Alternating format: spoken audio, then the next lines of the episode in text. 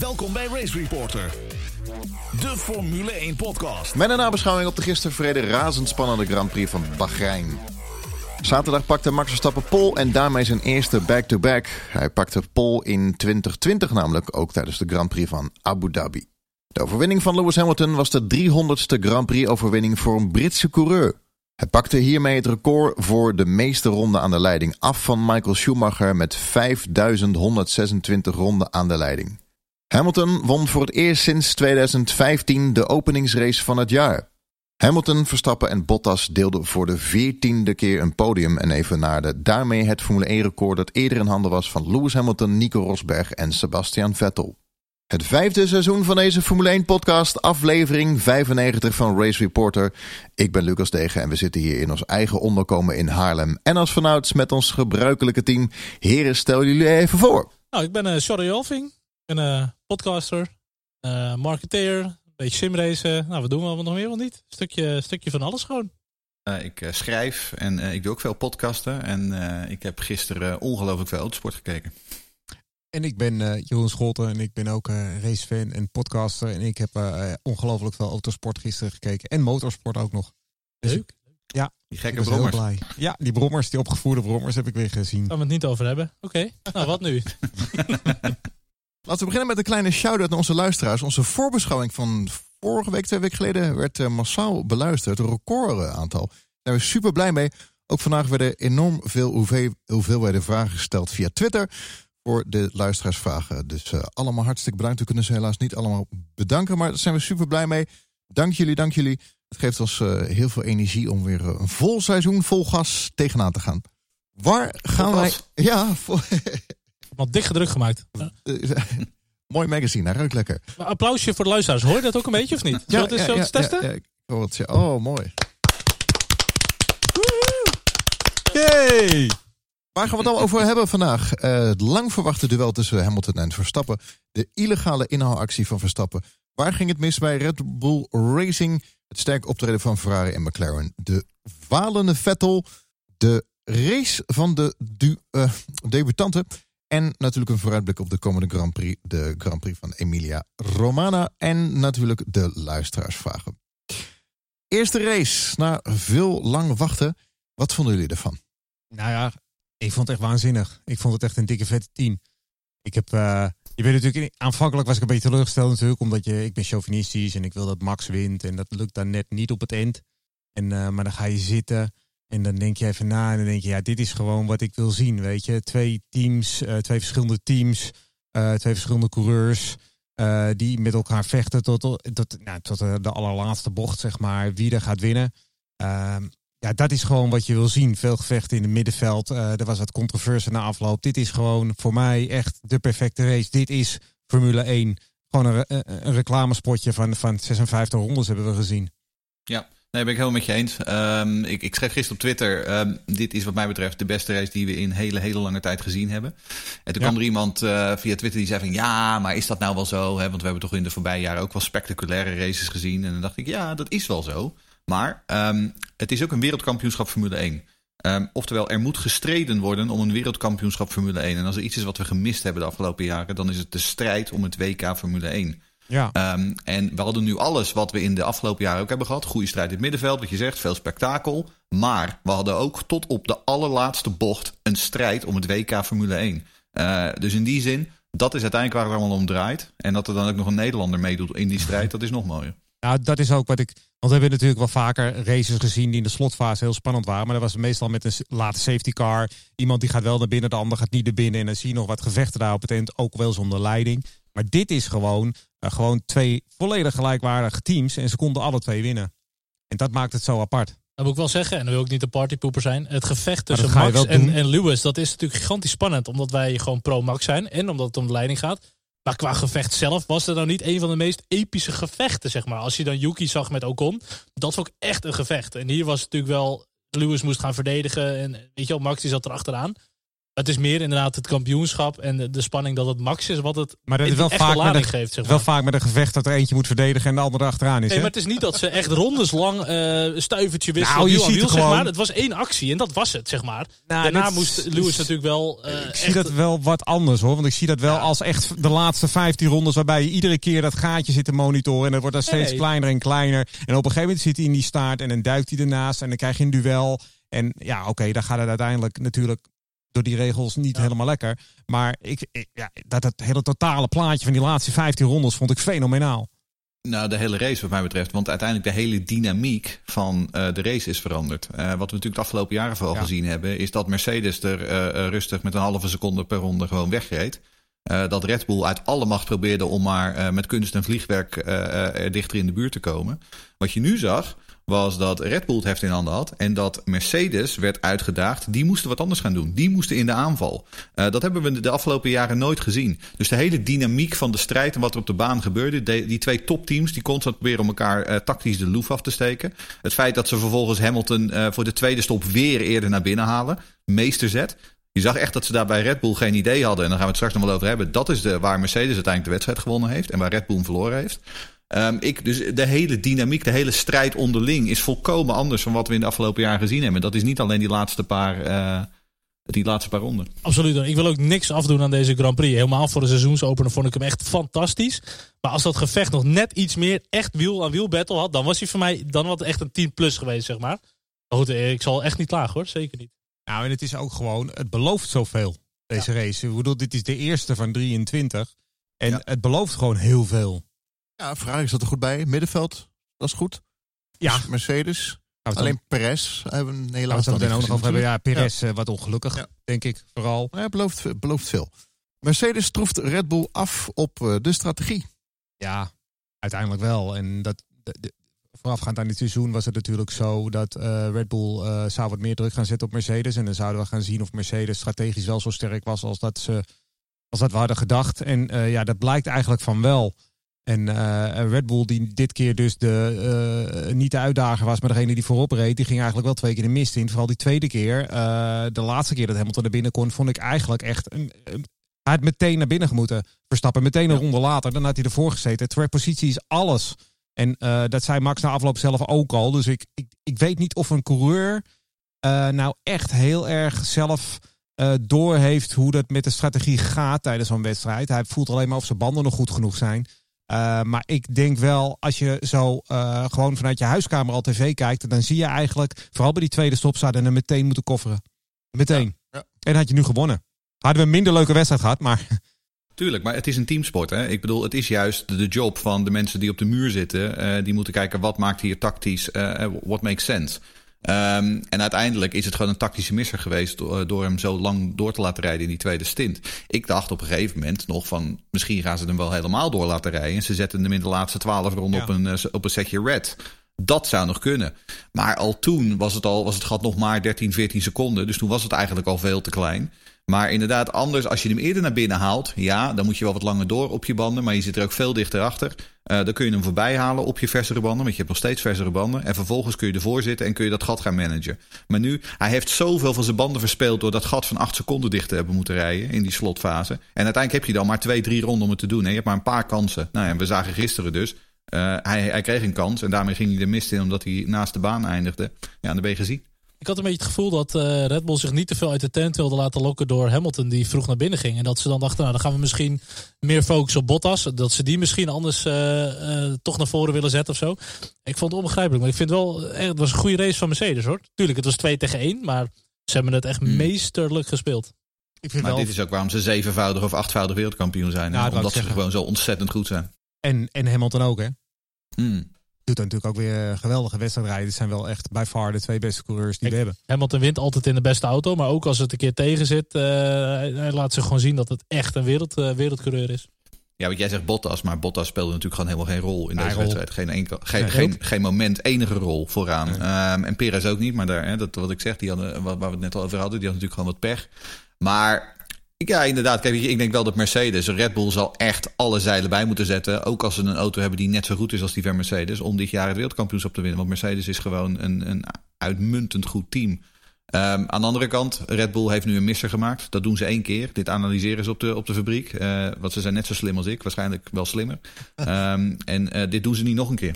Nou, en, en wat we, waar we ook nog hoop op moeten hebben, en wat ik denk dat ook wel kan gebeuren, is dat Perez erbij komt. Hè? Want deze truc konden ze ook alleen uithalen ja. bij Mercedes om ze voet naar binnen te gaan, omdat Perez niet in de buurt is. Want anders ja. kan je, kom je er niet meer weg. Dus uh, we hebben er ook meteen nee, een vraag absoluut. over van uh, Julian. Die vraagt, we moeten nu uh, tot 16 april wachten. Kan Mercedes tot die tijd hun auto weer zo verbeteren en upgraden... dat ze weer heel het weekend de beste zijn? Of is die kans echt minimaal? Nou, met Mercedes is die kans nooit minimaal. Die kans is zeker aanwezig. Alleen, ik verwacht dat niet zo heel erg. Kijk, je zit natuurlijk met een aantal problemen dit jaar. Je mag niet zomaar meer alles upgraden. Je mag alleen aerodynamisch eigenlijk in feite nog wat aanpassen. Nou, dat zullen ze ongetwijfeld gaan doen. Uh, maar je zit er ook nog eens mee dat, um, en daar zat ik van de week over, over na te denken, als we terug gaan naar 2008, als dit echt een titanenstrijd van twee wordt, van Red Bull en Mercedes, en dat ziet het naar uit. Als je terug gaat naar 2008, toen hadden we natuurlijk McLaren en Ferrari, hè, dat was het jaar met Hamilton tegen Massa. Uh, en het jaar daarop waren allemaal regelwijzigingen, dat was 2009. En uh, dat hele jaar lang hebben McLaren en Ferrari alles in dat jaar gestopt. En een jaar erop waren ze dus nergens te bekennen. McLaren en Ferrari hebben alle, alle twee dit jaar volgens mij maar één race of zo geworden. Dat risico lopen Mercedes en Red Bull nu natuurlijk ook. Zeker omdat er nog een budgetcap is ook. Hè. Vroeger maakten ze een tweede team die voor uh, volgend jaar alvast aan de slag ging. Maar dat zit er nu niet meer in. Althans, veel beperkter, want je hebt een budgetcap. De vraag is eigenlijk welk van de twee teams kan of gaat als eerste aandacht verleggen naar de grote regelwijziging van 2022. Dat ja, als ze zo dicht bij elkaar zitten, kan je dat niet voorloven. Denk Haas. Nou ja, ik denk dus. ja, ja, sowieso Haas. Ja, dat is een hele goeie. Um, maar om eerlijk te zijn, ik denk dat Red Bull op dit moment uh, aan, de, aan de winnende hand is. Red Bull, uh, ik wil Max Verstappen pakt de pole position met 0,4 seconden. Ja. Dat heeft hij afgelopen jaren nooit kunnen doen. Nee. Hè? Die, die drie poles die hij pakte in de voorgaande jaren, dat was allemaal uh, plus 0,032 duizend achter de seconde. Hij heeft nu afgetekend de pole gepakt. Hij was ook gewoon de snellere gisteren. Hij was gewoon de betere. Ze hebben deze wedstrijd niet op snelheid verloren, maar op tactiek. Dus als je nu die tactiek aan kunt passen en vervolgens ook gewoon daadwerkelijk kunt, uh, die snelheid kunt verzilveren, dan kun je als Red Bull zijnde uh, hopelijk in de komende zeg 10, 15 races een voorsprong opbouwen. En dan inderdaad die aandacht gaan verleggen naar 2022. Ja, ik denk, bottom line, dat we nog wel kunnen concluderen dat het momentum nog steeds wel bij Red Bull ligt. Dus daar ben ik echt, oh, uh, echt benieuwd naar. Daar komen we zo meteen nog wat verder op terug ook volop gevecht in het middenveld. Dat was echt wel interessant. Nou, ik vond het uh, gevecht met die, met die drie. Wat was dat? Uh, Vettel, uh, de, Vettel, Alonso en Sainz. Alonso. Ja, en ja, geweldig. Mooi battle. Die dachten dat ze in een F2-race zaten volgens mij. volgens mij ook. Ja. We hebben een paar mooie gevechten gezien. Tsunoda heb ik nog een paar keer mooi weer. Ja, lunch op Alonso had hij. Die was ook echt top. Sergio Perez natuurlijk, die naar voren rijdt natuurlijk wel altijd een beetje. Ja, hè, hij heeft ook de snelste auto natuurlijk. Maar dan toch, je moet het maar even weer doen.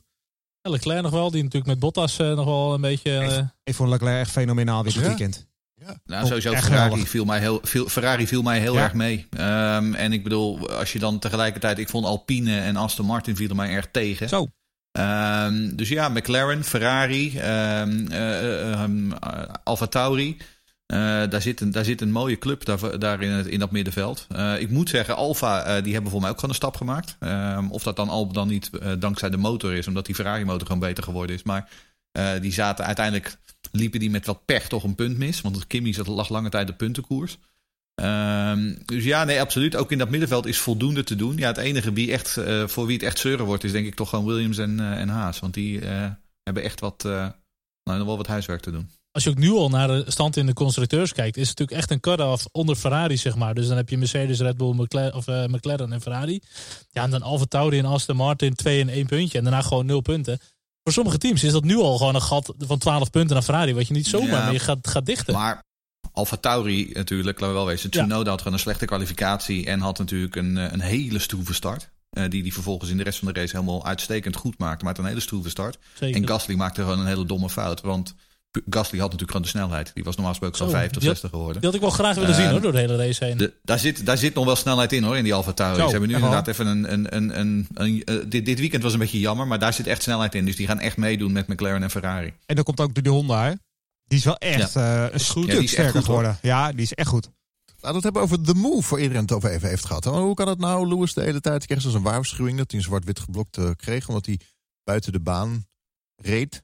En um, volgens... Ja, maar ja, dat zijn gewoon twee losse zaken. Ja, maar daarom. Maar goed, even voor de... Exact, je, hebt, je, hebt, je hebt track limits in die bocht in kwalificatie. Die hadden ze dan weer niet in de race. Uh Lewis maakte daar gebruik van. Anderen deden dat niet. Op een gegeven moment wordt er een waarschuwing gegeven van Lewis. Die snap ik dan niet helemaal. Maar oké, dat moeten ze verder zelf weten. Dat is één situatie. Misschien was het beter geweest om gewoon uh, track limits ook voor de hele race daar te geven op dat punt. Dan had je al dit gezeur niet gehad. Precies. Maar dat staat los van het feit dat Max Verstappen inhaalt buiten de baan. Ja, en want dat heeft helemaal niks met track limits te maken. Dat, dat, in geen enkele bocht of geen enkel rechtstuk mag jij met vier wielen buiten de baan inhalen. En dat is gewoon, dat is gewoon het hele verhaal. En dat wordt nu een discussie, één grote discussie, maar het zijn twee verschillende verhalen. Dat vind ik gewoon zo, zo. Het klopt gewoon niet, zeg maar, dat je wel dus over die lijn mag rijden, maar niet mag racen als je wiel aan wiel race. En dat, dat vind ik, dan ga je een grijs gebied in. 100% mee eens. Je mag nooit buiten de baan inhalen, maar dan moet je ook niet buiten de baan mogen racen. Ook niet met een oog dichtknijpen. Uh, dat, dat is voor mij gewoon, dan krijg je een grijs gebied, krijg je ruimte voor discussie. En dat, dat moet je niet hebben, denk ik. Maar dit is natuurlijk ook de ziekte van al die moderne uh, circuits. Hè, met al die lappen astroturf erbuiten. Ja. We hebben ook een vraag van Daniel. Die zegt, uh, was zondag het ultieme bewijs dat we meer gras en grind nodig hebben? Nou ja, 110% ja natuurlijk. Um, want dan heb je dit soort gezeik niet. Dan gaat niet iedereen in, in, die turn 4 een beetje buiten de baan lopen, lopen zwerven. Want dan uh, uh, rij je gewoon jouw tekort. Dus ik bedoel, dit is altijd het probleem uh, wat ik heb met al die Tielke-drones. Dat je dus al die lappen asfalt, of al die lappen astroturf overal nergens op liggen. Of gewoon lappen extra asfalt. En wat krijg je dan? Ja, dan gaan mensen gewoon, en dan gaan rijders gewoon de grens opzoeken. En dan gaan ze er af en toe wel eens overheen. Ja, en als dan vervolgens een wedstrijdleiding zegt van, nou, wij vinden het wel prima als je de helft van de race gewoon oefen. Er was zo'n filmpje van iemand, wat je, voor mij was jij dat die dat deelde, Charles. Die, het aantal, die telde het aantal keren dat Hamilton uh, ja, buiten de baan ging. Dat was, 29 keer. Ik bedoel, dat is toch absurd? Waar, waar hebben we het over? Dus ja, ja ik, ik ben het helemaal eens met Daniel, absoluut. We moeten gewoon weer terug naar gras en grind. Want vorig jaar uh, op, uh, op, wat was het, op Mugello en op Imola... Daar waren er ook een paar die dat probeerden. En die stuiten er ook keihard de baan af. Suzuka en vind ik altijd een mooi voorbeeld. Ja, dat doe je ja precies. Dan leer je het vanzelf. Je doet het echt niet hoor, daar. Maar dat is wel... Uh, uh, het is een discussie die we al, al, al tien jaar voeren over track limits. Want het komt altijd weer terug.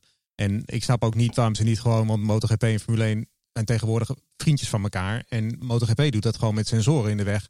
En die hebben helemaal geen track. Sensors, ja. ja. die hebben helemaal geen track limits. Maar het is gewoon als jij te vaak over die sensoren uh, rijdt en dus aan de buitenkant van de baan, dan krijg je op een gegeven moment op je display krijg je gewoon een waarschuwing van dat je dat niet meer mag doen. En anders krijg je een ja. tijdstraf. Nou, en dat is gewoon veel simpeler. En er is nooit een discussie over track limits bij de MotoGP. Uh, Guido die tagt ons net ook, Guido Piquet in een tweet over Lucas Di Grassi die dat ook voorstelt. Maar dan ook wel dat als je er overheen gaat, dat je dan weer minder uh, kracht krijgt en minder. Ja, dat is iets anders. Ja. Dat, dat vind ik dan wat te ver. Maar ik vind net als met de doellijntechnologie. Ja, why not? Als je het verwacht en mensen mogen ja. het niet, dan kan je gewoon zeggen: joh, drie strikes, you're out, vijf seconden straf bijvoorbeeld. Uh, ja. dan, dan kan je het gaan forceren. Maar nu laat je het open aan de interpretatie van de wedstrijdleiding, van de coureurs. En uh, dat, dat moet je gewoon niet doen. Dan krijg je ook niet meer dat hij pushed me off the track. Was dit weekend weer Sainz die er om. Dat was Norris. Maar sowieso de wedstrijdleiding ook in de Formule 2. Het is gewoon, het is, de ene keer is 5 seconden, dan is het een drive-through, dan is het weer 10 seconden. Maar de hele wedstrijdleiding, het, het, lijkt soms net een beetje hoe ze erin zitten. Of, uh, ja, de Formule 2 was verschrikkelijk, de wedstrijdleiding. Ja, die was echt verschrikkelijk, de wedstrijdleiding van de Formule 2 dit weekend. Ja. Ja, toch, het vind ik eigenlijk ook niet, ook niet voor sensoren. Gewoon meer gras grind. Ah, dat sowieso, ja. maar je hebt nou eenmaal moderne ja, circuits. Ja, dat doen ze dus blijkbaar niet. Of, nee. of helemaal Tielke die verkoopt geen grind, dat weet ik niet. Maar in ieder geval, uh, dan kan je het ook met sensortjes oplossen. Ja. Ik, ik, ja. Goed, um, daarnaast Naomi die vraagt ook, was bocht 4 wel de juiste bocht om in te halen? Had hij niet beter elders op het circuit kunnen doen, waar het gemakkelijker zou zijn, aangezien Lewis een sitting dak was op die oudere banden? Ja, in principe kan je zeggen, uh, nee, het was misschien niet de juiste bocht of niet de juiste mogelijkheid. Maar dat zit wel in het, in het beestje van een Formule 1 coureur. Dat is elke bocht waar je de mogelijkheid hebt om in te halen. Dat is ook de juiste bocht. En het is misschien niet de meest makkelijke, maar als Max die kant ziet, dan moet hij daar gewoon echt voor gaan. En het is dan jammer dat hij wijd gaat. Um, maar zolang je dan niet die auto kapot rijdt of tegen Hamilton aanrijdt of zo, dan kan je het altijd nog een keer proberen. Als je gaat afwachten met de huidige banden, ze vreten gewoon op. Die banden worden te warm als je achter iemand gaat rijden. Voor hetzelfde geld komt er nog een safety car op de baan, omdat er iemand toch crasht aan het einde van de race. Ja, en dan rij je gewoon achter Lewis aan in een treintje over de finish. Je moet het gewoon doen als het kan. Nou ja, de juiste bocht was natuurlijk gewoon turn one. Maar om eerlijk te zijn, uh, daar, uh, dan komen we terug op mijn eerdere punt. Hij had maar een paar kansen, want hij had nog maar een paar ronden over. En Lewis verdedigde daar gewoon uitstekend, een aantal keer. Um, en dan, dan kom je er uiteindelijk dus op turn 4 uit. Maar als je, wederom, als je Max eerder naar binnen haalt en hij heeft nog 20 ronden om het uh, te doen, ja, dan kun je 20 keer proberen in turn 1 en dan gaat het een keertje lukken hoor. Ja. Um, en dat is waar, te, waar Red Bull uiteindelijk gewoon en Max Verstappen de race missen. En Sjoerd die vraagt een instructie van Race Control niet opvolgen. Is dat een optie? En dan doelt hij waarschijnlijk op Max Verstappen die dat dus uh, suggereerde. Hè, van ik had liever doorgereden en dan die vijf seconden pakken. Uh, zo ja, wat sta je dan te wachten? Mijn gedachte is gelijke disqualificatie. Het lijkt me net zoiets als gewoon doorvoetballen als er niks is gebeurd terwijl er gefloten is. Thanks. Nou ja, als je doorvoetbalt terwijl er uh, gefloten is, word je ook niet gedisqualificeerd. Dat zal in dit geval ook niet het geval zijn. Uh, ik denk dat je wel een extra straf kan verwachten als je dat doet. Want Michael Maas heeft zelf tegen Red Bull echt een instructie gegeven dat hij aan de kant moest. Ik denk niet dat hij het heel leuk vindt als je dan vervolgens dat niet doet, vijf seconden uitloopt en uh, uh, de wedstrijd op die manier wint, dan gaat het natuurlijk niet zo zijn dat de VIA jou maar vijf seconden straf geeft. Want het is in feite geen straf. Ja. Als je zes seconden voorrijdt, is er vijf seconden straf geen straf.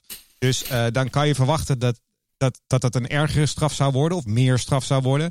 Maar een disqualificatie zal het niet zijn geweest hoor. Dat is echt, uh, dat is echt een brug te ver. Dit, dit, was ook het beste voor de sport. Je, je ziet wel eens in een openingsfase als een coureur afsnijdt of er gebeurt wat of zo, ze halen iemand in buiten de baan.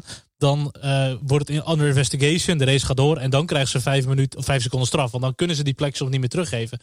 Ja, in dit geval, de, de, de wedstrijdleiding zat er bovenop. Dus dit was ook de beste optie. Want ja. hierdoor kregen we nog een gevecht. Als Max was weggereden en je gaat inderdaad achter de groene tafel weer beslissen dat hij een straf krijgt. Dan was ook nou. de hele Formule 1-wereld boos geweest. En hadden we ook geen mooi gevecht meer gehad. Ik zou er ook heel veel moeite mee hebben gehad hoor. Als Max gewonnen had doordat hij die vijf seconden had gepakt. En een vijf seconden straf had hij nog steeds gewonnen. Dat vind ik wel, dat vind ik dan wel heel moeilijk. Want uiteindelijk was het een illegale move. Maar wat ik gewoon heel goed vind van de wedstrijdleiding. Is dat ze direct ingrijpen. En niet dat Max van het podium wordt getrokken zoals we wel eens een keertje gezien hebben. Of dat we s'avonds om half twaalf uh, dat je ineens een pushmelding op je telefoon krijgt. Dat hij, ja. dat hij toch weer uh, naar plek 2 is teruggezet. Dus ik vond dit eigenlijk gewoon heel goed van de FIA. Het is ook geen gegeven dat Max die vijf seconden had, had weggereden. Nee, hè? Dat nee. zie ik ook, Ook niet niet. op 1, 2, 3 gebeuren. Maar Maar wat ze natuurlijk vooral gedaan hebben, kijk, um, uh, de, de Mazi en zijn vriendjes, die zagen natuurlijk aankomen dat dit duel op een gegeven moment ging gebeuren. Dus net wat Charles zegt, die hebben er gewoon meteen bovenop gezeten. En op het moment, het waarschijnlijk al direct al een lijntje met uh, de pitmuur van Red Bull en van Mercedes. Van als hier wat gebeurt wat ons niet aanstaat, dan hoor je dat direct. En dan kun je meteen je rijder instrueren. En dat is wat je nu dus zag. He, Max haalde buitenom in en meteen heeft Masi, of weet wie het dan gedaan heeft, die heeft meteen via dat lijntje Ja, tegen. Horner uh, terug, terugfluiten. Uh, dit, moet, dit, moet, dit moet terug, teruggedraaid worden. En als je dat niet doet, ja, wat, je, wat jij zegt, Jeroen, ik bedoel, hè, dan rijdt hij vijf seconden weg. Nou goed, dan geven ze hem tien seconden. Maar ze gaan echt Ja. ervan voor zorgen dat hij dan niet die race wint hoor. volledig dat. Een beetje vergelijkbaar duel. Maar voor mij nog een veel mooier duel was die met Yuki en Ocon. En ook daar Hmm. ging Ocon wijd in die bocht. Volgens mij werd hij wel wat meer wijd geduwd Ja. eh, door Yuki. Eh, en uiteindelijk ging Ocon er voorbij. Yuki ging er ook weer voorbij. Ja, daar greep de wedstrijdleiding niet in. En dat is dan soms wel het lastige dat mensen dat gaan het vergelijken.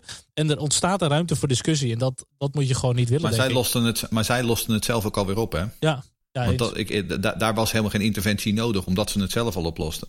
Ja. Ehm, en ik denk dat dat het verschil is. Ehm, kijk, en nogmaals, om heel eerlijk te zijn, dat gaat om plek 9. Ehm, eh, het ging nu om de, om, dit ging nu om de zege in de wedstrijd. Dus dat, is, dat, dat ligt veel meer onder een vergrootglas. Klopt. Leiding in het WK, een zege in de wedstrijd, 25 punten. Daar ga je echt als Ja. wedstrijdleiding, zit je daar bovenop. En volkomen terecht. Ja. Volkomen Ja. terecht. Mooie Ja. race en we zitten er weer lekker in. Uh, we hadden helaas natuurlijk wel wi- Max willen zien winnen. Hij had een uh, eerste back-to-back pole. Want hij heeft natuurlijk de laatste race van vorig jaar ook pole gepakt. Laten we het eens onder de loep gooien. Max Verstappen en Red Bull Racing. Nou, ik vind dit toch gewoon een beetje een gevoelig, frustrerend puntje. Gewoon. Kijk, ik ben bovenal ben ik Formule 1 coureur. Altijd geweest. Of een Formule 1 fan, zeg maar. Ja, ja, ja. Oh ja. Ah, dat ook. hoor. Ik heb wel Formule 1 gereden hoor. Op Ik ken Zandvoort. je Dat- wel dat- ergens van dat- altijd. ik kan ik eerlijk zeggen, ik heb wel Formule 1 gereden op Zandvoort. Dat zei achterin bij Jos. Nee, maar kijk, bovenal ben ik Formule 1 fan. Eh, algemeen van de sport. Nou, dan heb je wel eens wat Nederlanders. Nu hebben we een heel uitzonderlijke Nederlander. Dus ben je, nou, als chauvinistisch als we zijn, ook echt een fan van Max. En ik ben nooit zo dat als Max uitvalt dat ik geïrriteerd ben of de tv uitzet, zoiets. Maar ik was nu wel echt een beetje zuur gewoon, zeg maar. Ja, natuurlijk.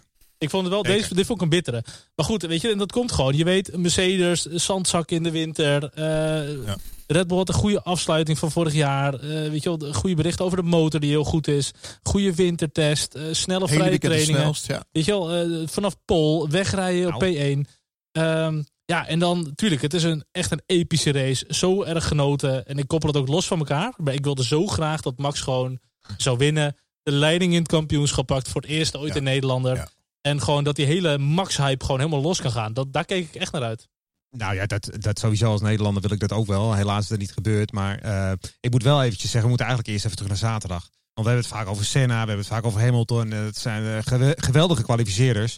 Maar deze pole, die is net zo goed als, als, als die pols van hun waren. Dit was echt een waanzinnige pol die, die Verstappen reed op zaterdag. Zeker ook nog met een beschadigde onderkant.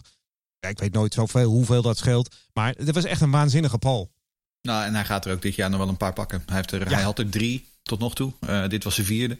Ja. Uh, dus, uh, of zijn third natuurlijk, zoals die vorige ja, third. Ehm, maar dit was zijn vierde. ik gok zomaar dat hij bij het einde van het jaar in de dubbele cijfer staat. Um, want ja, het was een hele goede pole lap. precies goed gereden op het juiste moment. Hè, want toen moest het. Toen moest je drie keer paars rijden en dat deed hij.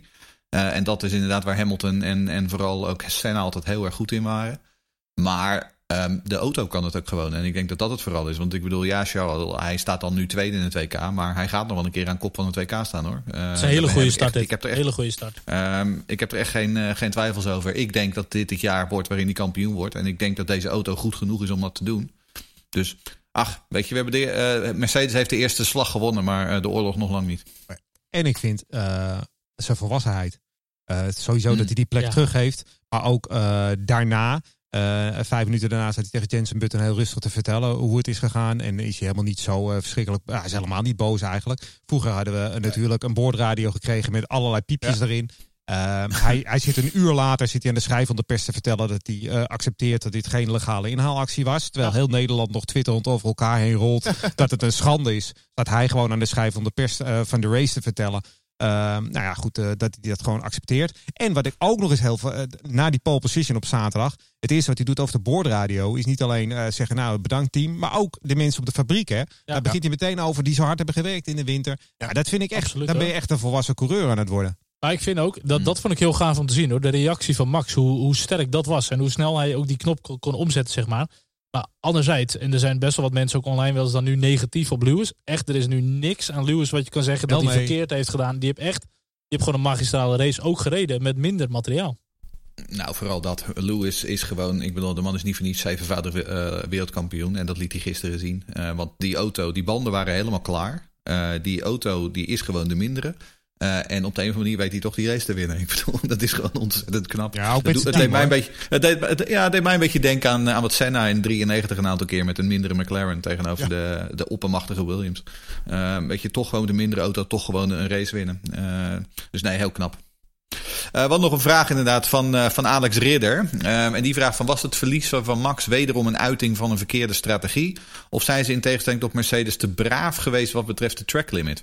Ja, dit was die discussie over het feit dat Mercedes dan 0,1 à 0,2 seconden per ronde zou winnen in die, met, het, hè, met het wijdgaan in turn 4 ik had het idee dat Max daar eigenlijk helemaal geen last van had.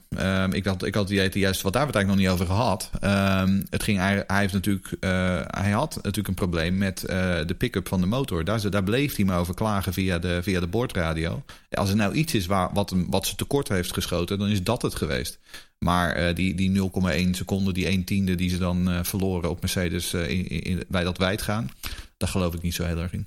Nou, als we het dan toch hebben over waar het eigenlijk misging met Max dan heb ik even eigenlijk naar gekeken. En naar mijn mening zijn er vijf factoren uh, die eigenlijk van invloed zijn geweest, waardoor hij niet heeft gewonnen. En als een van die factoren Analyse anders had geweest... met Charles. ja, nee, daar komen we hoor. Nee, maar, nee, maar, Oké, okay, Nummer 1, 1, 1. Perez. Het is natuurlijk, het lijkt tot nu toe gewoon een heel solide, uh, ervaren goede teamgenoot uh, te zijn. Maar Max had gewoon weer niet die, die rugdekking. Ja. Sowieso dat Perez al niet vanaf P11 kon starten. Dat was natuurlijk al gewoon, gewoon jammer. Um, maar daardoor hadden uh, Hamilton en Bottas achter Max natuurlijk wel relatief vrij spel. Nou, dat heeft hem gewoon niet geholpen in de strategie van Mercedes. Dus dat is één. Als we dan twee, gaan twee, kijken twee, naar tempo. Nou, Jeroen Demmerdaal noemde dat net al even heel snel op. Dat was het probleem met de differentieel. Dus Max was echt de eerste helft van de race constant met het team bezig op de radio. Verschillende motorsettings. En wat er aan, aan de hand was, er was één wiel. Die bleef eigenlijk maar slippen bij het uitkomen van, van de verschillende bochten. Ja, dit is qua rijbereid gewoon niet goed. En Max kan multitasken als de beste. Maar constant bezig zijn met je team en alles zoeken, dat is gewoon niet, niet ideaal. Drie. Drie. Drie. drie. Nou, drie. Op strategie. Nou, we weten, Red Bull die staat al bekend vaak voor de afwijkende strategieën. Die gaan overigens niet altijd goed. Maar ik denk dat Red Bull, en Max wil dat ook vaak, die willen gewoon een eigen plan trekken. Die willen niet zich gek laten maken door Mercedes, door strategieën van anderen. Eigen plan, gewoon vol gas en doe je ding. Um, vol gas, en einde, ja, vol gas. Eindigen op een nieuwe band is vaak ook wel een sleutel tot succes.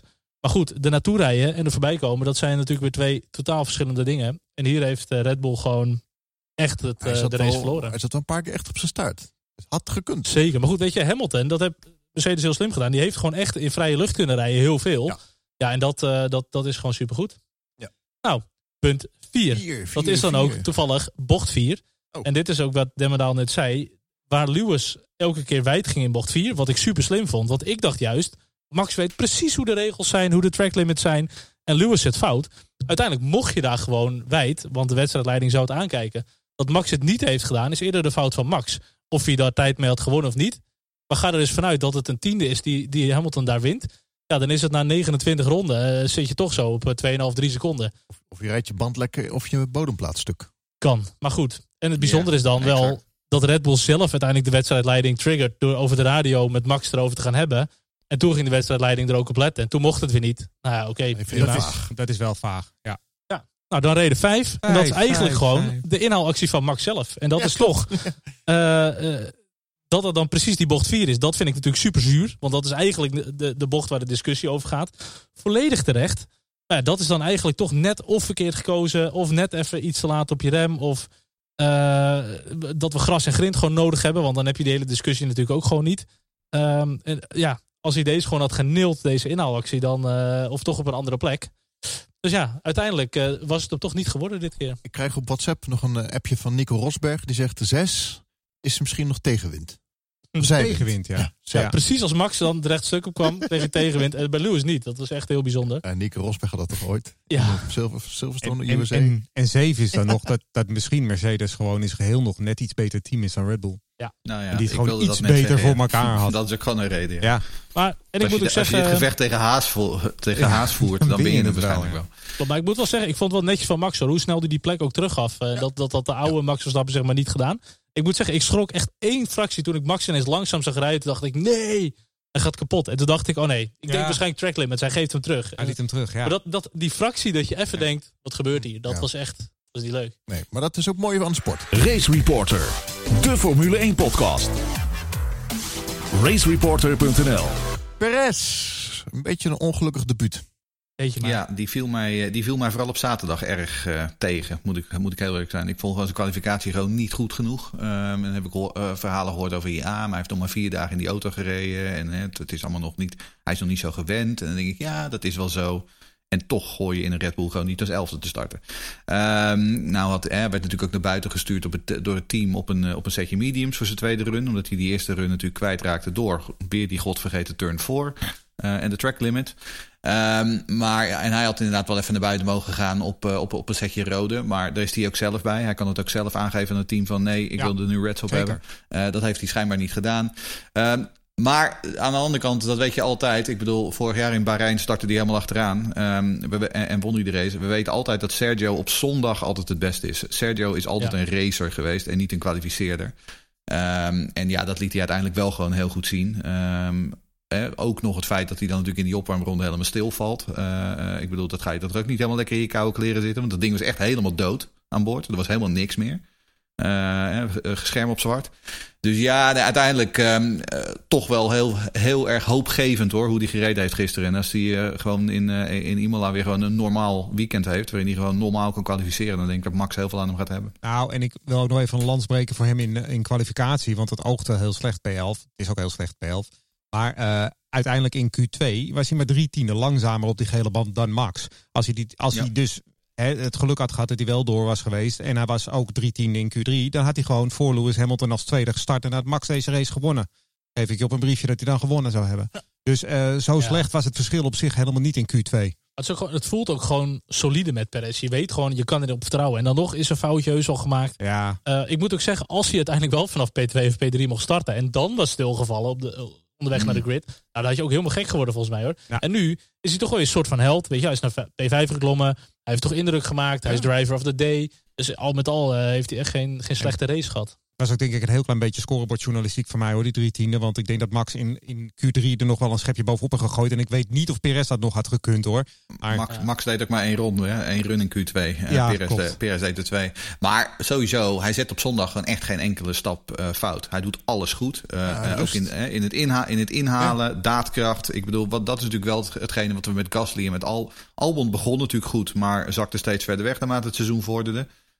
Gewoon geen daadkracht tonen. Gewoon maar vast blijven zitten achter weer een Alfa of achter weer een McLaren. Ehm, dat zagen we bij Perez helemaal niet. Hij, hij, hij, sneed echt als een mes door de warme boter. Ja, maar hij doet het ook. Hij bewaart ook die rust. Ik, ik, hij heeft echt over volwassenheid gesproken. maar hij heeft natuurlijk ook gewonnen. Ja, de ervaring. Hij jaar. ja, het, hij heeft ook de, het zelfvertrouwen. Ja. Dus ik heb er wel veel vertrouwen in dit jaar, Perez. Vraag ben ik van Harry de Groot. Ja, Harry vraagt: uh, Perez valt stil in de opwarmronde. Kan zijn weg vervolgen en start vanuit de pits. Waarom blijft hij in dezelfde ronde? Want hij heeft er één minder gereden. Moet hij nu meer benzine overhouden dan de rest? Nou ja, dat is altijd een beetje het gekke met Formation Labs. Het zijn officieel niet echt uh, racerondes. Er gaat wel een ronde van de totale race af. Om een soort van te compenseren. Uh, ik vind het bijzonder scherp ook van Harry. Ik had zelf, viel het me ook op. Want hij heeft gewoon wel een ronde minder gereden. Ja. En ik denk dat ze eigenlijk gewoon een beetje tegen elkaar afstrepen. Wel, uh, hij staat gigantisch lang stil in de pitlane. Zijn banden koelen af, zijn remmen koelen af. Uh, die auto die staat er een beetje stationair te draaien. Um, dus hij heeft ook direct een afstand. En één rondje brandstof uit de opwarmronde is ook wel redelijk verwaarloosbaar in dat opzicht. Dat is ook de reden dat ze inderdaad die uh, extra opwarmronde van de raceafstand afhalen. Omdat je natuurlijk, ja. ze hebben calculaties gemaakt over de, um, over de brandstof, hoeveel brandstof die je aan boord moet hebben. Maar uh, de race tijdswaarneming begint nog niet te tellen. Die begint pas te tellen op het moment dat de lichten echt op groen staan. En dus uh, heeft hij inderdaad geen extra ronde achterstand. Ik kreeg, die, ik kreeg die vraag ook live tijdens de race al van iemand via Twitter. Maar dit is inderdaad de uitleg. Sterker nog, als het een voordeel zou hebben, zou Williams en Haas vanuit de pit starten. ja. Maar ja, die spinnen er dan na drie, die spinnen er dan na drie ronden toch alweer vanaf. Vooral die hazen. Mazen.spin. Wat is het ook weer, Shell? Waar kwam je mee vandaag? Mazen.pin. Mazen. Mazen.spin. ja. Mooi. Er staan alle spins van Mazepin staan daar. Uh, wanneer die voor het laatst gespint. Alle video's van alle spins. Ja, mooie uh, dat is pas na één raceweekend en een uh, wintertest. Maar ik denk dat het een hele leuke site gaat worden dit. We hadden het er net al over het gevecht in het middenveld. Zag er goed uit. McLaren vierde team. Ferrari goed nou, bezig. Derde, team toch? McLaren, zou ik zeggen. Ja, ja, ja, kunnen, ja. ja derde. Ja, zo, ja. Ver, verbaast, me, verbaast me eerlijk gezegd. Meestal als een team een nieuwe motor heeft, kost dat een jaar. Toch om om alle schroefjes en draadjes goed op elkaar aan te sluiten. Maar ik had niet verwacht dat ze zo... Ja, maar ja, aan de andere kant, ze, ze weten dit al heel lang natuurlijk... dat ze met die Mercedes gaan, uh, gaan, uh, gaan rijden. Um, ze, ze hebben ze geloof ik al vrij vroeg gekregen, afgelopen najaar. Um, dus in die zin, ik denk wel dat, uh, ik denk dat, dat, dat McLaren inderdaad... Die lijken mij gewoon afgetekend het derde team. Um, ik bedoel, Ricciardo had wat pech bij die, bij die tweede pitstop. Uh, waardoor die uiteindelijk achter een, uh, die hele groep rijders kwam te zitten. En achter Sainz en die jongens. En achter Leclerc. Um, want ja, ik, wil, ik heb natuurlijk wel gezegd... ik denk dat Ricciardo op termijn het gewoon gaat winnen van Norris. om eerlijk te zijn, Norris heeft het dit weekend gewoon uitstekend gedaan. Um, ik bedoel, vierde plek, dat, dat is gewoon veel beter dan dat wordt het niet. Um, maar uh, ja, je ziet dat McLaren met die Mercedes motor gewoon echt uh, um, een flinke stap voorwaarts heeft gemaakt. Um, in tegenstelling tot uh, bij wijze van spreken Aston Martin of, um, of Mercedes hebben ze gewoon hun eigen... ze hebben geen Mercedes versnellingsbak. Dus de problemen die die teams hadden in het, in het voorseizoen... McLaren heeft hun eigen versnellingsbak. En Ferrari, ja, eh, Ferrari verraste mij heel erg. Uh, ik had echt verwacht dat die er... Uh, op vrijdag zaten ze nog wel aardig bij. En toen zei Jeroen ook van, uh, op onze WhatsApp-groep... van nou, morgen dan gaan de motoren wat verder open... en dan zie je ze wel naar beneden zakken. Dat viel uiteindelijk nog best mee, met z'n twee in Q3. Um, ehm, dus wie weet, misschien dat die, dat die Ferrari-motor... er ook over de winter wel gewoon weer wat sterker heeft geworden, is geworden. Dat zou dan ook... Um, bewijzen dat dat zou ook een, een verklaring kunnen zijn voor het feit dat Alfa weer een stapje naar voren heeft gemaakt. Um, ja, en ondertussen Alpine, ja, die stellen inderdaad, die stellen mij echt teleur. Nou weet ik wel dat um, Alonso een probleem had met een, uh, een, een, sandwich wrapper of zo. Ja, en dat hij daardoor last had met zijn ja. een broodzakje inderdaad. Oh. Um, en dat, dat op een gegeven moment gaven de achterremmen het een beetje op. Maar Alonso en Ocon eigenlijk allebei nooit echt in de buurt geweest van de punten ja, volgens mij. Dat komt natuurlijk weer door die fans die ze toelaten. Die zitten daar met een bammetje van thuis mee op de tribune. Die denken, het is weet je wel. Alonso weer. Heel, nou, heel dat is heel bekend in Bahrein, hè? doen ze allemaal. Ja. kan ze allemaal in een boterhamzakje met uh, nog, nog, even terugkomen op Ferrari. Ik vind het wel leuk dat Ferrari weer een beetje in de mix zit. Kijk, we ja. lachen altijd om de dronken Baviaan en dat is ook heel leuk. Maar het is eigenlijk ook te treurig voor een team als Ferrari... Dat, hoe ze zichzelf eigenlijk bijna belachelijk hebben gemaakt. Ze horen toch echt wel minimaal ja. subtop. Uh, podiums toch wel, ja, vind ik, gewoon mee te doen. En wereldkampioenschap is gewoon ik nog mis te het Ook echt, ik mis het ook. Gevechten met Ferrari en Mercedes. En, to en, toch is denk ik, want ik vond het ook heel goed van Ferrari. En ik vind Leclerc echt geweldig. Maar ik moet heel eerlijk zeggen, ik zie Ferrari gewoon echt de komende jaren het zo verschrikkelijk zwaar krijgen als die regels gaan wijzigen. Gaat Ferrari zo hard door de mand vallen. En ze zijn ook, hun unique selling point is altijd dat ze veel meer geld hebben dan de rest. Maar daar heb je niks meer aan, want het is een budgetcap hebben we erbij gekregen. Ik denk echt dat Ferrari eh, de komende tien jaar nog steeds geen kampioen gaan worden. Het gaat, ja, het gaat niet om geld, het gaat om het management. Ja, en dat is bij Ferrari, zeker bij Binotto, tot nu toe niet overtuigend geweest. En dan zie ik een team als McLaren, een team als Red Bull, een team als Alpine misschien zelfs wel. Die zie ik nog iets beter hoor, op termijn. Hè? Alpine is heel zwak begonnen aan het seizoen, dat weet ik wel. Maar die hebben een hele nieuwe management en alles. En die zie ik op termijn echt voorbij gaan aan Ferrari. Overigens ook wel afgetekend weer Leclerc die gewoon Sainz in zijn broekzak had zitten. Uh, wat we allemaal aan zagen komen. Echt gewoon in zijn broekzak. Ja, ja. Um, want ja, dat is het wel. Leclerc is gewoon buiten categorie wat mij betreft. Die is Absoluut. echt van het uh, niveau Verstappen Hamilton. Qua Alpine, uh, ik vind het een tof merk. Ik vind het heel fris eruit zien. Het heeft ook weer wat meer gunfactor. Maar eigenlijk blijft het gewoon Renault. En ik zie die echt nog steeds niet qua totaalpakket die stap maken. Weet je wel, ze hebben geen andere teams om te leveren. Die motoren kunnen ze niet veel mileage op krijgen. Ja, ik, nou, maar ik zie het niet zomaar gebeuren hoor. En als ik nog wel eventjes moet zeggen voor de jongens die allemaal overgestapt zijn naar andere teams, zoals Sainz hebben we het over, Perez hebben we het over gehad, Ricciardo heeft het over gehad. Maar dat zijn wel allemaal jongens. Uh, ze hebben wel, het is wel een heel moeilijk jaar om over te stappen. Hebben maar anderhalve dag testen gehad voor al die jongens. En dat is echt, met name in kwalificatie, als je die limieten op moet zoeken, is dat wel echt heel erg weinig. Ja, maar als we het dan hebben we wel eens over het totaalpakket van een team. Hoe goed is de motor? Hoe goed is het chassis? Hoe goed zijn de coureurs? Komt wel goed bij Alpine. Nou, dan hebben we ook nog een leuke vraag over de coureurs. ja. Binnengekregen van ene Charles uit Schagen. Ja, dat is een, dat is een hele jonge Formule 1-kijker. Die zit in zijn tienerjaren. Een puber is het nog. En hij zegt, ik ben, uh, hoi, ik ben Charles uit Schagen. En ik heb een vraag voor Jeroen Scholten. Uh, je bent altijd uitgesproken supporter geweest van Esteban Ocon. Maar zijn mm -hmm. talent lijkt toch niet volledig toereikend te zijn... Nee, ten nee. opzichte van zijn teamgenoten. Hoe zie jij zijn toekomst in de Formule 1? Ja, hoe zie je dat? Nou, die zie ik uh, uh, moeizamer dan dat ik hem een paar jaar geleden zag, moet ik heel eerlijk zeggen. Ja, dat, dat, riepen we eigenlijk al jaren of niet aan Jeroen Nemmendaal, toch? Dat we dachten, maar... maar, maar nou, volgens mij was ik niet...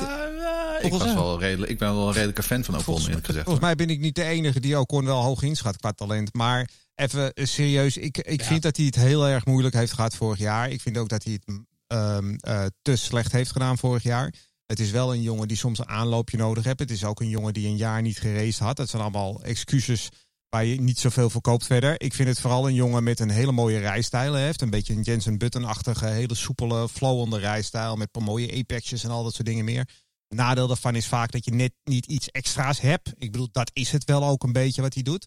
Uh, en ik vind zijn karakter heel erg uh, tof. En dan krijg ik half Nederland over me heen. Want ik weet dat hij in Brazilië ooit is. Max Verstappen eraf heeft geduwd. Dat weet ik wel. Echt? Maar ik hou juist wel van jongens die uh, niet bang zijn om, om establishment aan te vallen. Jongens die wat zeggen. Jongens die af en toe onredelijk zijn. Dat vind ik juist wel leuk in de sport. En daarvoor hou ik wel van die jongen. En wat voor hem ook gewoon echt een nieuwe nadeel is. Uh, ik weet niet hoe hij ten opzichte van Alonso gaat doen. Maar hij moet het inderdaad verdomd goed gaan doen. Want er zijn al gesprekken geweest met Gasly. Heb ik begrepen voor, voor volgend jaar. Um, en wat voor hem gewoon een heel groot nadeel is, hij was een protégé van Abiteboul. Hè?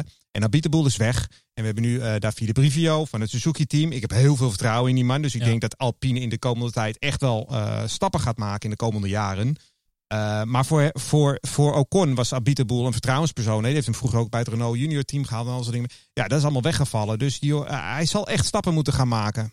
Ik, ik weet het niet. Ik heb dat, dat grote talent in Ocon heb ik echt nooit gezien. En ik vind het hij is prima Formule 1 waardig. Ja, maar hoor. jij vond Zoe zo altijd zo goed. Zoe. Nou, die, die, had toch gewoon gewonnen. Die had gewonnen dit weekend weer. Nee, maar die dat, zit voor het 26e jaar in de Formule 2, hè? ja, oké. Okay. Die valt ook wel een beetje tegen. Moet ik wel eerlijk toegeven. Net als Dan, net als Dan Tantrum. Maar misschien zit Ocon oh, ja. ook okay. wel een beetje in de hoek waar Van Doornen zat, zeg maar. Weet je wel, echt wel talent. Jawel. Gaat zeker de Formule 1 halen. Die komen ook gewoon makkelijk de Formule 1 in. Met support of niet van een team. Maar uiteindelijk gewoon toch te goede teamgenoten. Niet de baas kunnen zijn. En uiteindelijk denk ik toch via de achterdeur gewoon weer uh, weg naar dit Hij valt me ook gewoon tegen hoor, eerlijk. Ik denk dat hij na dit seizoen ook gewoon weg is bij Alpine. Nogmaals, want Gasly gaat er gewoon naartoe. Uh, ja. Alonso heeft een tweejarige deal, dus uh, reken maar uit. Want ze hebben maar twee auto's. Uh, en wie gaat Ocon dan vastleggen? Wie? Ik weet het niet. Hij heeft ik geen budget. niet weten waar hij in gaat stappen. Nee, hij heeft geen geld. Want, wat Torre, Torre Rosso gaat hem, niet aan, gaat hem niet aannemen. Dat doen ze gewoon niet. Uh, de topteams zitten allemaal vol. Ik, ik heb geen idee waar die terecht, waar die terecht zou moeten. Uh, ja. ik, ik, denk dat die echt gezien is na dit jaar. Wellicht uh, als hij nieuw investeert is bij Williams, als hij Russell weg zien gaan. Ja, nou ja Mercedes, dat zou kunnen, dan zou hij daar als ja, kopman. Maar geen geld of zo, weet je wel? Nee, maar door die investeerders heb je misschien geen geld nodig. Ja. ja, dan moet je in hem investeren inderdaad. Maar inderdaad, kijk, weet je... En dat komt ook omdat Williams wellicht met Renault gaat rijden. Hè? Dus dan zit daar ah. wel een, een link in. Maar aan de andere kant, dan zit je ook. Ja, dan ben je kopman van Williams Renault. Nou, oké. Prachtig. Ik bedoel, het is oh, geweldig. Uh, een beetje... Damon werd de wereldkampioen mee in Jacques Villeneuve. Nigel Mansell. Ja, maar dat was wel een iets andere Williams Renault. Oh. oh. ik zie hem uh, in 2022 gewoon met zijn boterhamzakje op de tribune zitten, denk ik hoor. en, dan, en dan precies als Alonso voorbij rijdt, dat hij hem dan zo zijn, uh, zijn zakje loslaat. Nou, ik denk nog eerder Gasly, want dat zijn echt goede vrienden van elkaar, Gasly en Ocon. Hij, hij viel tegen dit weekend, vond ik. Uh, Vettel, ik had er meer van verwacht. Ja, Vettel die, had een, uh, die heeft wel betere weekenden gehad. Uh, om het voorzichtig uit te drukken. Ehm, nee, ik bedoel, ik, ik, ik denk nog steeds dat Vettel en Aston Martin... dat dat best een gelukkig huwelijk kan worden. Maar um, ja, ze hebben absoluut een valse start geha gehad. Paul die vraagt ook van, ja Vettel, het was niet best. Of komt het nog? nou, ik hoop dat het nog komt. Want ik, ik draag Sebastian een heel warm hart toe. Um, en ik denk nog steeds dat hij veel en veel en veel en veel beter is dan Lance Stroll. Maar um, ja, dit was gewoon een valse start. Um, dus uh, dan maar in Imola. Ik moet eerlijk zeggen, ik begin er wel aan te twijfelen. Nou, dat hij beter is dan Lance Stroll van zichzelf, dat, dat snap ik ook wel. Maar ik begin er wel aan te twijfelen of hij tijd nog kan keren. Dit was ook weer zo verschrikkelijk knullig achterop bij Ocon. En in eerste instantie nog Ocon de schuld geven mm. ook. Ja. Um, mm. Met de kwalificatie was hij wel wat ongelukkig met die gele vlaggen. Uh, en hij heeft natuurlijk ook last van het feit dat hij maar anderhalf, uh, anderhalve dag getest heeft. Waarin hij ook nog eens heel vaak stil stond. Dus hij heeft effectief heel weinig getest. Hij heeft uh, niks gereden met dat ding. Maar ik moet zeggen, hij vervalt wel weer in een domme fout. En dat heb ik de laatste, nou sinds 2017 hebben we dat al, uh, zien we dat regelmatig voorkomen. En ik begin echt te twijfelen of hij zijn carrière nog uit het slop kan trekken hoor. Dat hij dan ook nog bijna de schuld aan Ocon probeert te geven dat hij van lijn verandert. Dan denk ik, hoe, ja, hoe, dan gewoon? ik moet wel zeggen, ik moet wel zeggen, alles wat we tot nu toe gezegd hebben, we zijn wel heel snel met conclusies, want dit is één van 23 races. Maar ik, ik, ik, ik, heb wel, ik begin wel te twijfelen. enig opportunisme is ons niet vreemd. Nee, nee, dat weet je toch. En ik denk, nou, voor onze luisteraars is het ook niet leuk als we hier onszelf voorstellen en zeggen, ja, het is eigenlijk te vroeg om conclusies te trekken. Hamilton heeft gewonnen en uh, we zien het de volgende. Ja, we komen over vijf afleveringen met de nieuwe podcast. We zien het in Imola wel weer, ja. Nou, we, we hebben na Silverstone hebben we wel een mening. Ja, ja nee, maar um, het, het, was, het, was gewoon, het was gewoon niet best voor uh, Sebastian. En, en, en Lance Stroll heeft hier een puntje. Ik weet niet of de, of de kindertjes in Gambia nu weer een waterput krijgen trouwens. Uh, ik weet niet of dat nog steeds is. Dat weet ik ook niet. Geen idee. Maar Lance ik heb er niks van over gehoord. Sowieso niet na deze race. Vraag ben gekregen van, het lijkt wel een eh, DJ uit de jaren 90, house DJ. Gino Mor Morillo Morales. Dit is, onze, dit is de McLaren uh, en Alonso-fan. Die maakt al die papercrafts, uh, ja, IndyCar. Ja, ja, Hij, stuurt ook, hij stuurt ook altijd vragen in naar de Green podcast, onze IndyCar podcast, waar McLaren cool. natuurlijk ook uh, regelmatig ter sprake komt. Dus een trouwe luisteraar, Gino. Zeker, toppertje. Hij vraagt, een aantal teams zijn teruggevallen. Alpine, Aston Martin, ook Mercedes. Is dit het, of verwachten jullie dat zij de komende drie weken nog een sprong vooruit kunnen maken in verband met updates, optimalisatie? Mm, nou, vind ik lastig. Vind ik lastig. Kijk, Aston Martin hadden we dat eigenlijk al verwacht. Je kopieert een één jaar oude auto, dat gaat één jaar goed. Daarna ben je bezig eigenlijk met het ontwikkelen van een twee jaar oude auto die je niet zelf hebt gemaakt. Uh, reglementen die ook in je nadeel liggen, met de wat lagere rake die Aston Martin ook heeft. Uh, gooi daar in de mix dat je twee prima coureurs hebt, maar ook niet echte toppers. En dan zeg ik alvast sorry voor de Vettel-fans. Maar hij lijkt gewoon geen schim van de coureur die hij ooit was bij Red Bull. Um, voor Alpine denk ik, ja, wat ik net al zeg, de naam is anders, maar het blijft eigenlijk gewoon Renault. Een team met één motor, die reeds worden verslagen door hun klantenteams.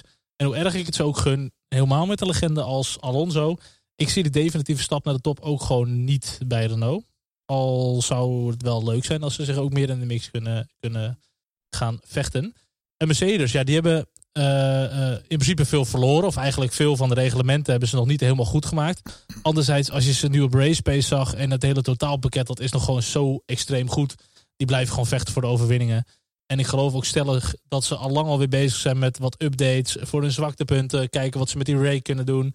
Uh, dus qua sprong naar voren verwacht ik verwacht ik echt nog wel wat van uh, Mercedes. Ja, maar goed, dat geldt ook wel voor Red Bull natuurlijk. Die zijn daar ook mee bezig. Het is altijd, je kan wel een sprong naar voren maken, maar het is altijd relatief aan je grote concurrent. Ja. Anders sta je ja, stil. En, en Aston Martin gaat ook nog wel een stapje maken, want die hebben natuurlijk gewoon echt een put weekend gehad. Dus ik bedoel, weet je, als alles net wat beter loopt daar, dan, dan hè, ze hebben toch nog steeds gewoon een Mercedes achterin liggen. Dus die gaan echt nog wel wat beter voor de dag komen. En in dat opzicht is het misschien ook nog too soon to say. Uh, je, we hebben één race gehad. Andere circuits die liggen andere teams weer beter. Het is net de vorm van de dag. Um, dus uh, laten we het even zien. Ik hoop dat, uh, dat ja, hoe meer het naar elkaar toe gaat, hoe, hoe beter. En we gaan het gewoon zien. Kijken naar de rookies. De debutante Yuki Tsunade, Tsu, Tsu, Tsunoda. Gezondheid, uh, Lucas. Nog even een zakdoekje erbij. Tsunoda. Mick Schumacher en Mazespin. Ah, die, die mag echt al niet meer. Die is echt, nee, je bent af. Je bent, je bent af. Yuki de Rookie en Mazespin, dat willen we niet meer maar. Je mag, ja. je mag gaan. nou, ik begin ook meteen even met de vraag van Rob Seiberden. Die vraagt, hebben jullie ook met een brede glimlach naar Tsunoda gekeken? Nou, ik had eerder een lach alsof ik Daniel Ricciardo was, volgens mij. Um, want als er iets is waar ik echt allergisch voor ben, dan zijn het van die kleurloze coureurs. Van die Jordan Palmer-achtige Ericsson-coureurs. uh, dit is gewoon, het is gewoon een leuke grid, leuke figuren, opvallende mensen. Uh, en Yuki is er ook gewoon zo een. En je ziet het al in de Formule 2 waar hij zat, dat hij gewoon opviel, ook qua rijstijl.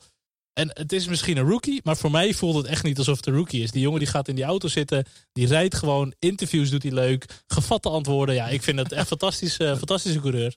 En ook gewoon echt flink uit eh, de schoolklap op vrijdag, hè, toen het even niet, uh, even niet mee zat. Ja. echt, er kwamen een paar krachttermen door die radio naar buiten. dacht ik van, nou, dat is niet heel erg Japans, Yuki. Nee. daar, sta, daar, gaan in Japan nog wel de oortjes van klapperen als je dat soort dingen hardop zegt. Ging in afloop ook even van, ja, sorry, volgende keer zal ik wel even wat netter zijn. Maar ik dacht ik van, doe maar niet, joh. Doe niet? nee. gooi het er maar uit. Is dit een nieuwe Sato?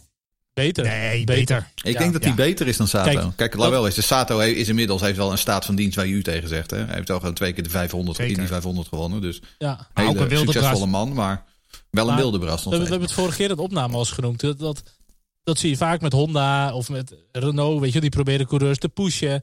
Uh, helemaal met Honda, die wil natuurlijk heel graag coureur richting de Formule 1. En soms is dat het gewoon niet, weet je wel.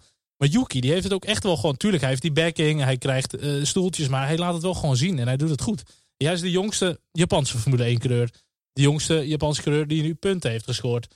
Uh, ook direct bij zijn debuut. Uh, de eerste die Japanse die meteen punten scoort. Ja, dat zijn uh, leuke statistieken na een race, maar ik verwacht er nog veel meer van. Ja, maar hij is gewoon leuk. hij is in alles leuk. En hij begon, en hij begon echt heel stroef, hè? Want het eerste, de eerste 20 ronden van die race waren echt niet best. Hij, zat, hij hing echt een beetje rond die 14e, 15e plek, zeg maar. En ik dacht van, nou, Yuki, nou. Maar die battles waren echt volwassen, hoor. Dat doet me echt een beetje. Er mag wel een tandje bij. Dat doet me een beetje aan Max uh, maar vervolgens, ook. Battles ja, maar hoe die zich uiteindelijk vervolgens inderdaad herstelde, vooral in, in de tweede helft van die race, en zichzelf naar voren werkte. En inderdaad, op de, wat is het, in de laatste ronde nog die negende plek afpakken van, uh, van Stroll.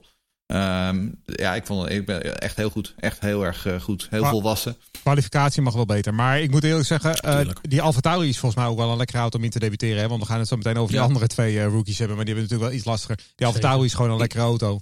En hij heeft aan Gasly ook denk ik gewoon maar, een prima teamgenoot. Hoor. Niks mentor gewoon. Ja, en niks aan lof voor Tsunoda verder hoor. Ik bedoel er niks aan af te doen. Want het is echt een hele leuke gast en een geweldige coureur. Die ja, komt, en die zit ook, ook wel een goede wat ik vorige keer al zei, laat hem nou wel gewoon twee of drie jaar in die Alfa Tauri zitten. En ga nou niet volgend jaar al zeggen van kom, we zitten naast Max. Doe dat nou niet. Hij heeft, dit, hij heeft dit jaar aan Gasly ook echt een goede maatstaf, zeg maar. Echt een goede... Uh, dat is ook voor, voor Toro Rosso. Ze kunnen hem heel goed afmeten aan hoe... Want Gasly die kan natuurlijk lezen en schrijven met dat ding inmiddels.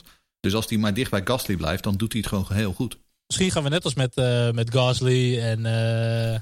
Albon gaan we zo meteen na 5, 6 races gaan we klagen over Perez, jongen. Dit kan toch niet? nee, Zet Yuki nee, nee, dat hij Tsunoda er eens in gaat. dat zeiden we toch? Nee, zeiden we niet. Het, gebeurt om eerlijk te zijn, maar zelden dat ik tussendoor een coureur zou uh, wisselen. Dat gebeurt echt, dat mm. zie ik echt niet snel uh, dat ik dat zou zeggen. Dat is wel heel erg 1990s. Ja. Mick Schumacher, 16e. Ja. Nou, daar hadden we een vraag ook van Steven van Duizen. Die vraagt, wat zijn de opties voor Haas als Mick Schumacher binnen een paar races naar Alfa gaat? Nou, om meteen even met de deur in huis te vallen. Uh, Mick is natuurlijk een Ferrari-protégé. Nee, het is een Ferrari-protégé. Die willen natuurlijk dat Mick gewoon een leerjaar heeft. Dat hij ook lekker kan leren racen. Uh, dus ze zeggen het allemaal. Mick moet het eerste jaar uh, gaat hij nooit zo lekker. Tweede jaar dan gebeurt er ineens iets dat hij heel goed is. Maar het is natuurlijk niet een ideale auto om je debuut in te maken. Maar goed, Mick heeft gewoon een contract bij Haas. Dus ik zie dat sowieso niet gebeuren dat hij naar een ander team gaat.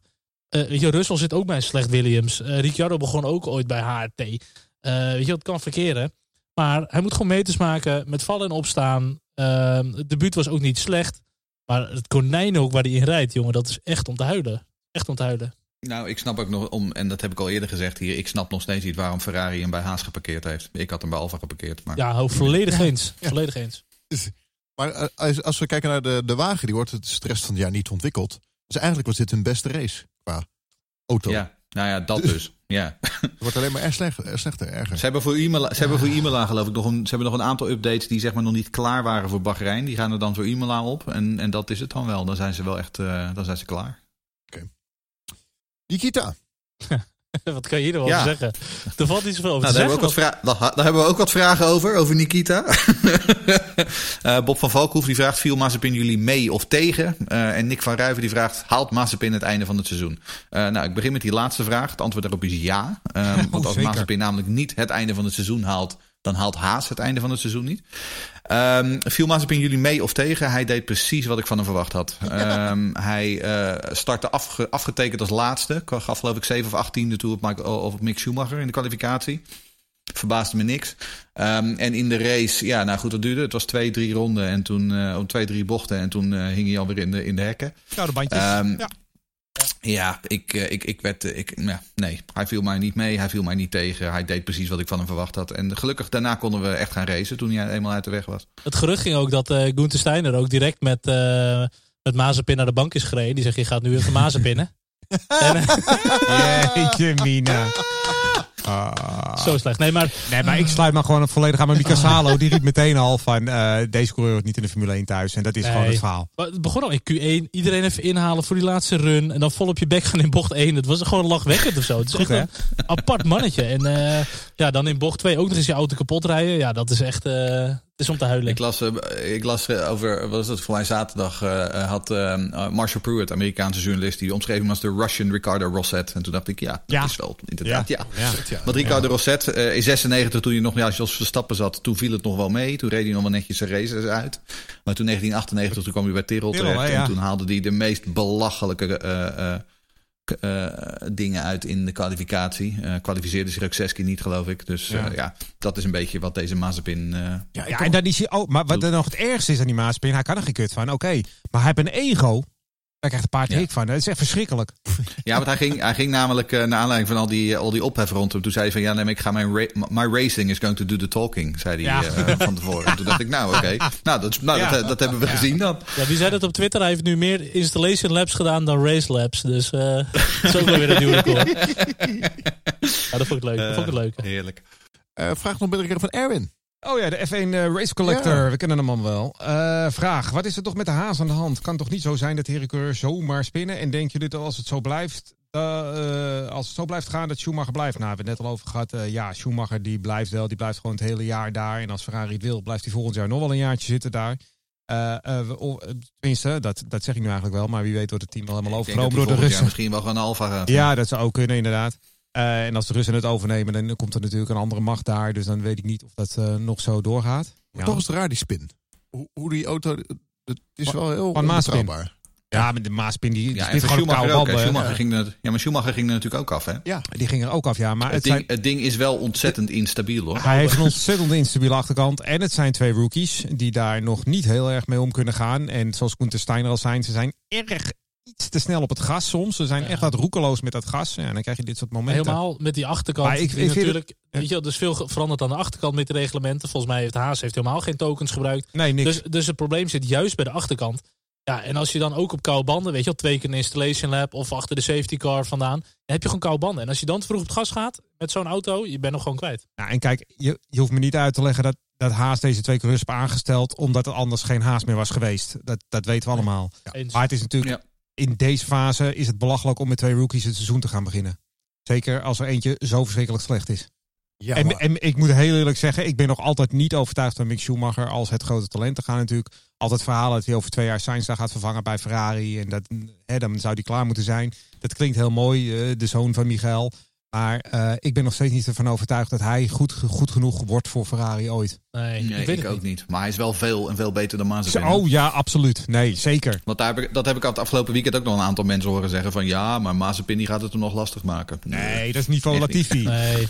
Maar wat het ook alweer is, ook al is de Formule 1 nu nog te hoog gegrepen voor sommige van de jongens, dat zie je ook met de strol. Op een gegeven moment ga je toch zoveel meters maken als je die kans krijgt. Kom Nou. Mazepin heeft veel geld, Mick heeft gewoon een hele bekende naam. Dus uiteindelijk als je toch races gaat maken, kilometers gaat maken en niet crasht in de tweede bocht, dan je wordt wel beter, zeg maar. Dus eh, Ja, nou, het beste voorbeeld daarvan vind ik nog altijd Sergio Perez. Want als jij kijkt naar de junior carrière van Sergio Perez, die is helemaal niet zo indrukwekkend. Die heeft zich echt gedurende Ja. die jaren in de Formule 1 wel goed ontwikkeld. Hij deed het best aardig in de GP2 hoor. Jawel, maar dat, is geen, dat was geen stoffen van Doornen wie we daar gezien hebben, toch? Nee, maar daar zijn er niet zoveel van. Nee. Had wel even Guido van der Garde in zijn broekzak uh, volgens mij. Die ging ook naar de Formule 1. Perez, ja, maar Guido van der Garde is ook geen Max Verstappen. Hè? Nee, was, ook, was ook niet zo heel goed. Nee, maar Perez heeft het wel op eigen kracht geschopt nu door de topteam in de Formule 1. En dat, die heeft echt een enorme ontwikkeling. Nou, ja, en kijk, en Mazepin gaat, uh, uh, die, die gaat zijn tweede jaar gaat gewoon veel beter worden. Want ik bedoel, dat zag je in de F2 ook. In de F2 zijn eerste seizoen werd hij geloof ik 17 of 18e in de eindstand. En vorig jaar werd hij vierde, vijfde. Dus ik bedoel, die jongen, die jongen die komt er wel. Hè, met, met inderdaad maar talloze meters maken. Maar het is niet iemand die inderdaad. Uh, ik denk dat de Russische wereldtitel. Die, die zit er voorlopig nog niet in. Sowieso, dan wordt het geen Russische wereldtitel, toch? Dan wordt het oh, een REF wereldtitel. Een OAS uh, wereldtitel. Ja. ja, precies. Ja. Race Reporter. De Formule 1 podcast. RaceReporter.nl we gaan naar een van mijn favoriete circuits. Ook op simrace, Charles, zou je beamen. Heerlijk, heerlijk om op te rijden. En ik heb iets leuks ontdekt. Ik heb tegenwoordig een VR-bril. En ik ging met uh, uh, Google Earth over Imola heen. En dan zie je allemaal hele andere tunneltjes en een tennisbaan. Allemaal dingen dat ik allemaal niet wist. Ja, ik ben er wel geweest. En er staan er gewoon huizen. Mensen wonen midden op het circuit. Daarnaast ja. heb je een mooi parkje. Ja, zo'n voet, voetbalstadion in de binnenin ook. Ja, voetbalstadions waar dan trainen daar en weet ik wat. Het is, maar het is super relaxed. Het is echt een hele leuke sfeer daar. mooi, mooi dorpje ook daar de Grand Prix van Emilia Romana. Jeroen, jij kan het, dat Jeroen Scholt, jij kan het Emilia Romana. Ja, jij kan het zo goed uitspreken. De verwachtingen, wat kunnen we van verwachten? Kunnen we het vorig jaar eroverheen uh, leggen en is dat, of is het helemaal weer anders dit jaar? Mm, ik weet het eigenlijk niet. Ik denk, eh, het komt nu ook, hij komt nu ook veel eerder volgens mij. Hè? Uh, dus dat wordt wel interessant. Uh, die auto's zijn natuurlijk nog niet helemaal 100% zeg maar. Iedereen is nog niet helemaal familiair met hun auto's. Um, ik, ik had wel het idee, Red Bull deed het daar vorig jaar best heel aardig. Um, dus ik denk, uh, ik denk dat dit wel een, eh, een, een interessante uh, race kan worden hoor, voor, uh, voor ons Max. Max had een klap aan en sowieso. Ja, ja, een klap aan het Max, Max in Italië is, is tot nu toe een ramp in zijn hele carrière eigenlijk geweest. Ja, maar goed, dat moet een keer anders worden. Laat het dan over drie nou weken. Ja, in theorie wel, want het is nu wel een uh, aardig powercircuit, uh, Imola. En, en Honda moet daar, eh, daar hoeven we niet meer met vrees naartoe te, uh, naartoe te gaan. Nu Statistisch gezien is hij zo vaak uitgevallen in Italië dat het nu kans alleen maar kleiner wordt nu. Nee, ja, het blijft gewoon 50%. Daar valt wel uit of dat valt niet uit. het, moet een keer, het, moet een keer, het moet een keer omslaan. Hij kan niet altijd nul gooien of één of uh, wat dan ook, zeg maar. Ja, dat, het, maakt ook helemaal niet uit of hij wint. Het moet gewoon weer zo'n race worden zoals de afgelopen week. Hij moet wel winnen. Want nou, het maakt niet uit of hij wint. Nee, is, uh, Bottas. We moeten voor Bottas juichen. Kom op. Ja, die jongen, arme jongen. Wat, wat, Lucas zegt trouwens. Ik bedoel, dat dit, we krijgen wel gewoon uh, Imola nu weer voor de tweede keer op rij uh, terug op de kalender. ik hoop dat dat een voorbode is van het feit dat Imola gewoon weer terug is op de kalender. Ja. want dit is wel echt een van de klassieke Europese circuits. Het is absoluut een van mijn favorieten. Um, dus um, ja, ik, daar hoop ik vooral op dat, dat ze gewoon nu hebben besloten dat ja. Imola gewoon weer terug is. En dat is het. Het is weer een historisch circuit. Het, het is geen Tilkedoom. Het is, ik vind het, dit is een circuit wat ik echt heel gaaf vind. En ook wel bizar dat de hedendaagse Formule 1 hier nog gewoon op kan rijden. Maar uh, ik vind het echt prima. Ze hebben een hele mooie oplossing voor track limits, hè? Gras en grind. Gras en grind. Ja. ja. Vorig jaar vlogen Bottas in, in dezelfde bocht twee keer eraf. Ja. Opkomen ja. rechte stuk. Ja. Kijken of hij dat dit jaar ook weer gaat doen. Maar inderdaad, ik heb uh, Drive to Survive gezien. Ik ga dit jaar opnemen voor Bottas. En niet meer over hem klagen. Geen slechte grappen met me. dan mag je zo meteen de voorspelling doen. mag jij Bottas lekker op één zetten. Nou, ik wil niet veel zeggen, maar ik sta één. Ja, nee, dan zet je Bottas ook op één nu met je grote mond, hè? Gaan we doen ook. Vraag me een keer even Rob. Ik praat er snel overheen.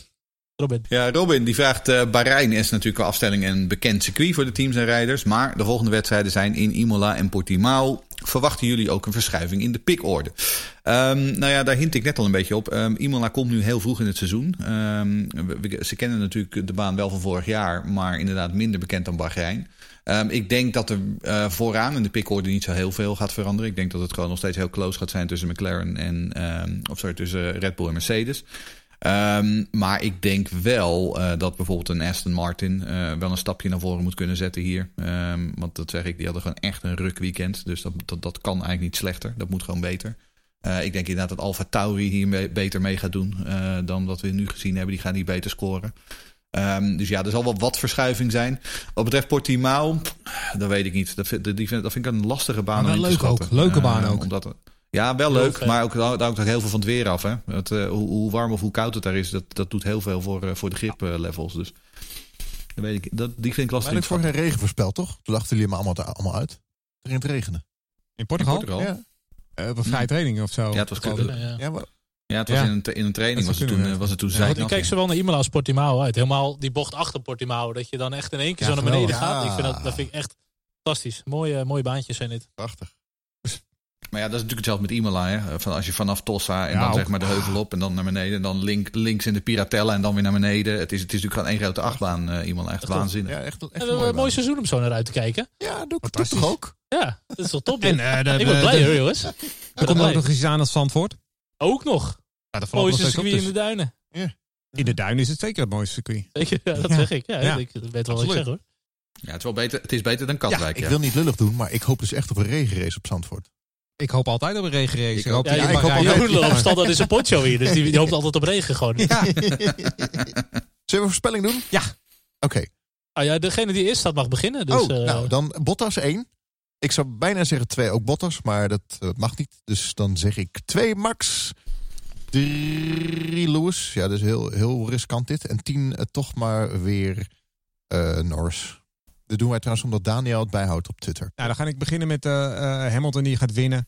Eh, Bottas wordt tweede. Perez wordt derde. En tiende wordt Alonso. Maar- Maar je vergeet, er is ook nog een soort van Nederlander in de Formule 1, hè? Met Ja, maar dit is die- Italië, dus je gaat weer, dat wordt helemaal niks. Wie bent Dat is ze echt een vloek? Italiaanse vloek. Weet je, dat komt omdat hij ooit, eh, hij heeft ooit over Ferrari als eerste geroepen dat ze vals speelden. En daar is het gewoon misgegaan. Ik hoorde dat hij ooit ananas Ja. op zijn pizza heeft gedaan. Nou, dat is echt, eh, Dat dat, doe ik ook altijd. niet. Dat kan echt niet. Nou, het is al eens fout gegaan tijdens die Florida Winterseries natuurlijk. Ja, dat is weer dat een heel ander verhaal. Heel lang geleden. Ehm, maar goed, hoe dan ook. Hij gaat toch wel gewoon winnen eh, in Imola. Nu, nu wel. Eh, en Hamilton wordt twee. eh Perez wordt drie. En ehm, Kimi Räikkönen Oh. pakt een punt. Ja, natuurlijk Italië. Ja. Dat leek wel heel erg op mijn voorspelling. Zit je mee te kijken op mijn scherm of zo? Ik zit mee te kijken via mijn Oh, iPad nee, dat hier. je dat ja. kan zien. Ik Leuk, had eh één Verstappen. Twee Hamilton. Nou, dan doe ik op drie doe ik Bottas. Eeuwige nummer drie. En op tien doe ik dan eh, Leclerc. Ik heb er zin in. Ik ga lekker pizza's eten dan. Drie, we drie, Drie weken, weken. lang, hè? Ja, dat vind ik belachelijk. Dit is echt een soort van teaser. En dan haha, en dan drie weken wachten. Ik vind het gewoon... eh, Wordt, wel een, eh, een, wordt wel een vol weekend trouwens. Want het weekend beginnen ook de IndyCars weer met VK. Even- waar moeten die rijden, Jeroen? Hetzelfde weekend. Die rijden eh, op Barber Motorsport Spark in Alabama. Oh, daar was je laatst geweest bij de barber. Mooie, mooie baard. Ja. Ik, ik eet altijd rabarber. Haha. Race Reporter, de Formule 1 podcast, is onafhankelijk. Wordt mede mogelijk gemaakt door een aantal donateurs. Niels Schoelhuis, dankjewel. René, Marco Post, Erwin, F1 Collector, Joris Groeneveld, Floris Smit, dankjewel. Dankjewel Mike, Jasper Heijmans, Rob Bruigoms, Bushok, Ties Roodhart en Racebezoeken. Ook een aantal vaste leden. Super bedankt. Sven Brandsma, Pinda Silva, Rick Debets, Frank Thewe, Maarten Evertsen, dankjewel. Rowdy Rabouw, Remco Zoon, Eddy, Chris, Niels en Karin. Super bedankt voor jullie donaties. En natuurlijk ook nog een aantal super supporters. Daan Legrand, mega bedankt. Harry de Groot, super bedankt. En Annelies Bier ook super bedankt voor jullie donaties. Dankzij jullie allemaal kunnen we deze podcast voortzetten. Wil je ons ook supporten? Ga naar f1podcast.nl slash support. Dat is f1podcast.nl slash support. Dan zeg ik eh, hier, ik vond het eh, weer gezellig. Leuk. Leuk dat jullie allemaal zijn. zijn er weer. De eerste Ja. podcast dit jaar in de zon. Want het is nog Ja. eh, De eerste Ja, van de eerste van 22. Toch fijn. aflevering 95 op naar de 100. Ja, Gaan we we wel echt dichtbij nu. Nog. Ja. Dank jullie, dank jullie veel. Dank jullie veel. Graag gedaan. Goed. Tot de volgende. hoi. Doei.